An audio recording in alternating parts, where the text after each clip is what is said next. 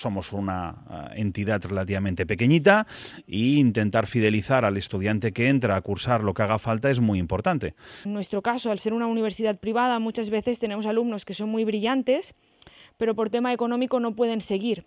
La añoranza de, tu casa, ¿no? O la distancia que puedas tener. Eh, en, toda esta época pospandémica que tenemos están afectando mucho a los estudiantes. En el proceso en el que estamos, ¿no? Estamos devolviendo la información a, a los tutores de esos alumnos, ¿no? Con la idea de aquellos alumnos que se hayan detectado como riesgo alto de abandono, que los tutores queden con ellos, ¿no? Hablen con ellos para ver si es cierto lo que se ha detectado.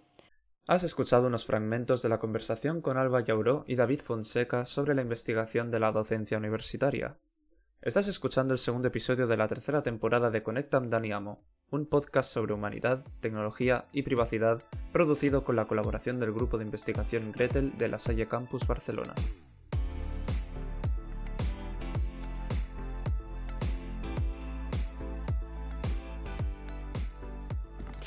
Bueno, bienvenidos al podcast una vez más de Conectam Daniamo.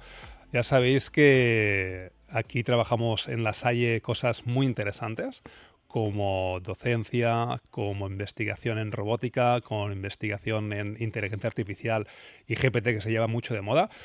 Y empezamos una serie enfocada muy a la investigación y tengo delante mío a David Fonseca, personaje ilustre dentro de la Salle que dirigió el grupo de investigación Gretel dedicado a, mejorar la educación con tecnología, y a Alba Yauró, que es eh, profesora, investigadora y que está en pleno doctorado. Y están haciendo cosas muy interesantes enfocadas a, mejorar procesos educativos relacionados con tutorías, ¿no? Ah, que quiero que pues, nos expliquéis un poquito en qué consiste el proyecto, ah, cuál es su importancia y cuáles son las bases de la investigación. David, ¿tú mismo? Eh, buenos días, Dani. Bueno, básicamente uno de los objetivos es, eh, en este caso estamos trabajando en una universidad privada y como universidad privada, sin duda alguna, nos puede impactar mucho más cualquier tipo de abandono o problemas que pueda tener el alumno.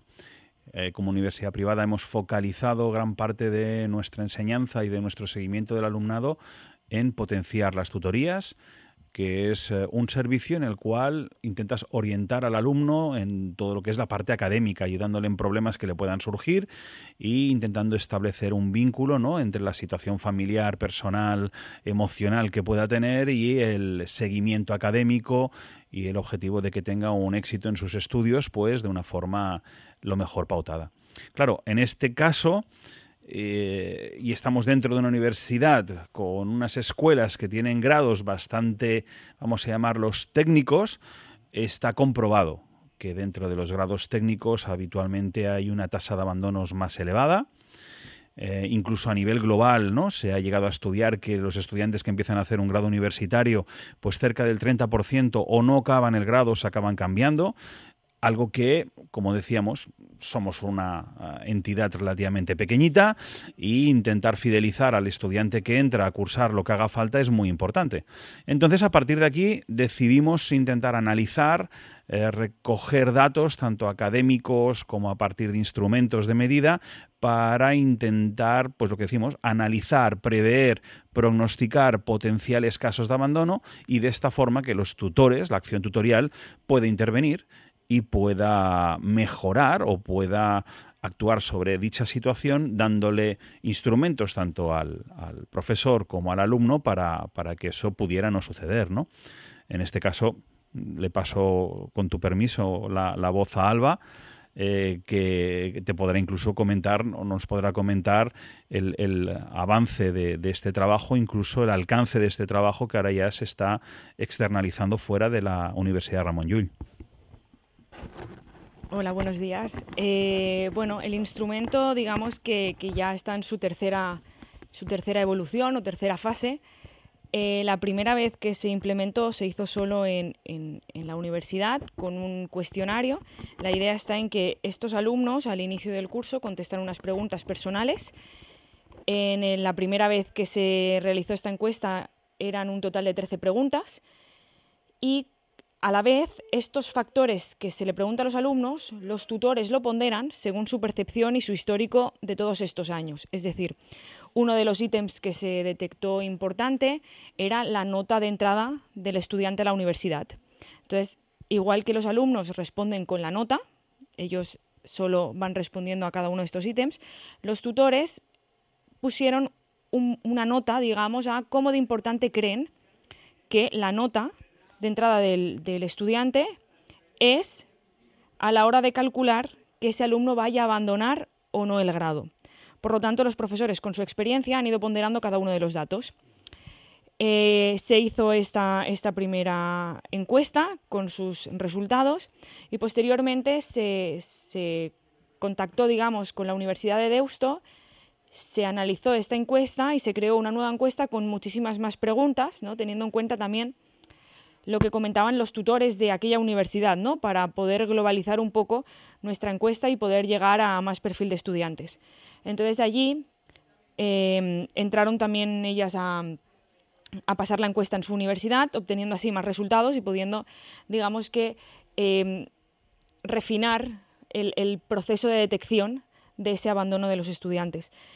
Y ya en la última iteración que estamos haciendo, también hemos añadido la universidad de comillas, donde se han añadido ya las preguntas son las mismas, ¿no? Ya más o menos se ha llegado a un acuerdo de que esas son las preguntas adecuadas, no se han extendido más. Sí que se han creado algunas nuevas en la cual el alumno eh, puede comentar más su situación, pero no se ponderan. Es simplemente información que luego se transmitirá a los tutores para poder conocer más el perfil. No tanto tener un punto de puede que abandone, sino más información extra. Por lo tanto, ahora, eh, en el proceso en el que estamos, ¿no? estamos devolviendo la información a, los tutores de esos alumnos, ¿no? con la idea de aquellos alumnos que se hayan detectado como riesgo alto de abandono, que los tutores queden con ellos, ¿no? hablen con ellos para ver si es cierto lo que se ha detectado o si hay algo que, el tutor, por ejemplo, estaba pensando que, que este alumno va bien y no se había dado cuenta, ¿no? En, en, nuestro caso, al ser una universidad privada, muchas veces tenemos alumnos que son muy brillantes, pero por tema económico no pueden seguir. Entonces, esto suele chocar mucho al, al, al, tutor, ¿no? Porque nos sale como rojo, ¿no? Que lo categorizamos nosotros como riesgo alto de abandono. Y claro, hasta que no acaba el curso, quizás no te confiesan, ¿no? Que, lo dejan por dinero cuando realmente eran buenos estudiantes y tú los hubieses categorizado como, excelentes y sin riesgo. Entonces, bueno, ahora estamos en este proceso de analizar qué es lo que está pasando con esos alumnos y comprobando si, la probabilidad de, abandono o no, esa predicción se ajusta correctamente y bueno, esperando a que acabe el curso, ¿no? Para realmente poder comprobar que, es, correcto lo que se ha predicho antiguamente. Sí, hoy, estamos un poco de rudimentario porque eh, ha sido un aquí te pillo, aquí te mato y tenemos un micro con lo cual hay poca interacción. Claro, yo lo que me imagino es que al final esto es un esfuerzo no titánico, ¿no? Pues un esfuerzo para el tutor responder. ¿Y esto cómo, lo enfocáis? Eh, ¿Una encuesta a inicio de curso del tutor y a partir de aquí empezar a trabajar? ¿O prevéis que sería interesante en cada semestre o cada tres meses hacer una encuesta para ir valorando estos pesos, ¿no? porque al final esto es muy manual, no, no es automático. No obstante, estamos trabajando para pasar algoritmos de Machine Learning y, de predicción por ver si también las máquinas ayudan. ¿no? Ah, el instrumento que estáis generando, que entiendo que está publicado en distintos congresos y, disponible, ah, de alguna manera se pasa a inicio de curso y ahí se queda o sería beneficioso pasarlo varias veces. Ciertamente lo mejor sería pasarlo de forma iterativa. Es decir, al final tenemos un primer año con diversos grados, con asignaturas semestrales, con asignaturas anuales, estudiantes nacionales, estudiantes internacionales, ah, muchas variables a controlar, ¿no? Incluso variables que, como a veces el Ah, la añoranza de, tu casa, ¿no? O la distancia que puedas tener. Eh, en, toda esta época pospandémica que tenemos están afectando mucho a los estudiantes. Una sensación de que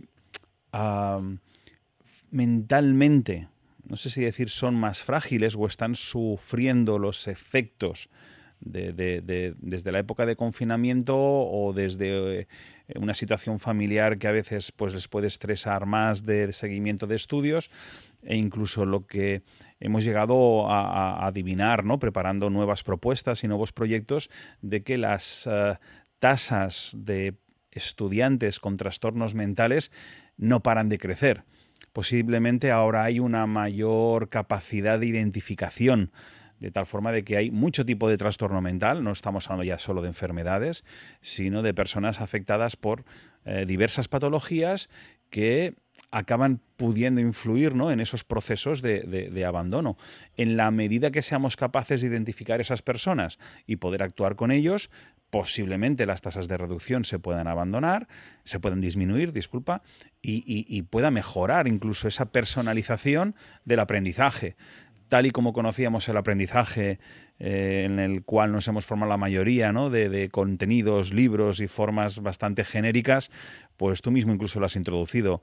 Vuelven los sistemas de inteligencia artificial con una fuerza inusitada, está cambiando todo de una forma eh, diabólicamente acelerada y adaptar qué y cómo enseñamos, qué y cómo evaluamos, qué y cómo eh, ayudamos o, les damos herramientas a los estudiantes es fundamental para que este estudiante pueda evolucionar de forma correcta. Sí que sería lo ideal, ¿no? Hacer esas iteraciones a mitad curso y posiblemente hacia final. Posiblemente entonces las dedicaciones o el tiempo necesario para profesores o tutores eh, se debiera tener en cuenta si se quiere dar ese valor añadido a, a, este proceso, que ya no es un proceso pues lo que decimos, ¿no? Eh, que lo podríamos catalogar yendo a buscar keywords, ¿no? De Educational Data Mining, Education Data Analytics, eh, más allá casi de Learning Analytics, estamos en Academic Analytics porque queremos mejorar la educación a partir de procesos y análisis de extracción de datos eh, que tienen múltiples variables. Gracias, David. Ah, para ir terminando, porque al final esto es un poco aquí te pillo, aquí te mato, ¿no? Nos hubiera gustado tener mucho más tiempo, y, como primer episodio de esta serie creo que es interesante, ¿no? Para, para encuadrar también ¿no? esta propuesta que tenéis y el doctorado de, de Alba, ¿no? que, que creo que tienes suerte en el sentido de que estás participando en un proyecto Ah, con lo cual pues también puedes hacer eh, distintas historias, ¿no? Porque al final cuando tienes presupuesto por en medio, pues, ostras, la investigación pues puede publicarse, puedes eh, dedicar recursos a cosas más interesantes. Háblanos ya para terminar de este proyecto, ah, en qué convocatoria estabas y con quién participas, ¿no? Para dar un poco más de visibilidad y difusión al proyecto y cuáles son los siguientes pasos. Pues estamos en un proyecto de ACM, Aristus Campus Mundi, con eh, Deusto y Comillas, con la universidad, ¿no?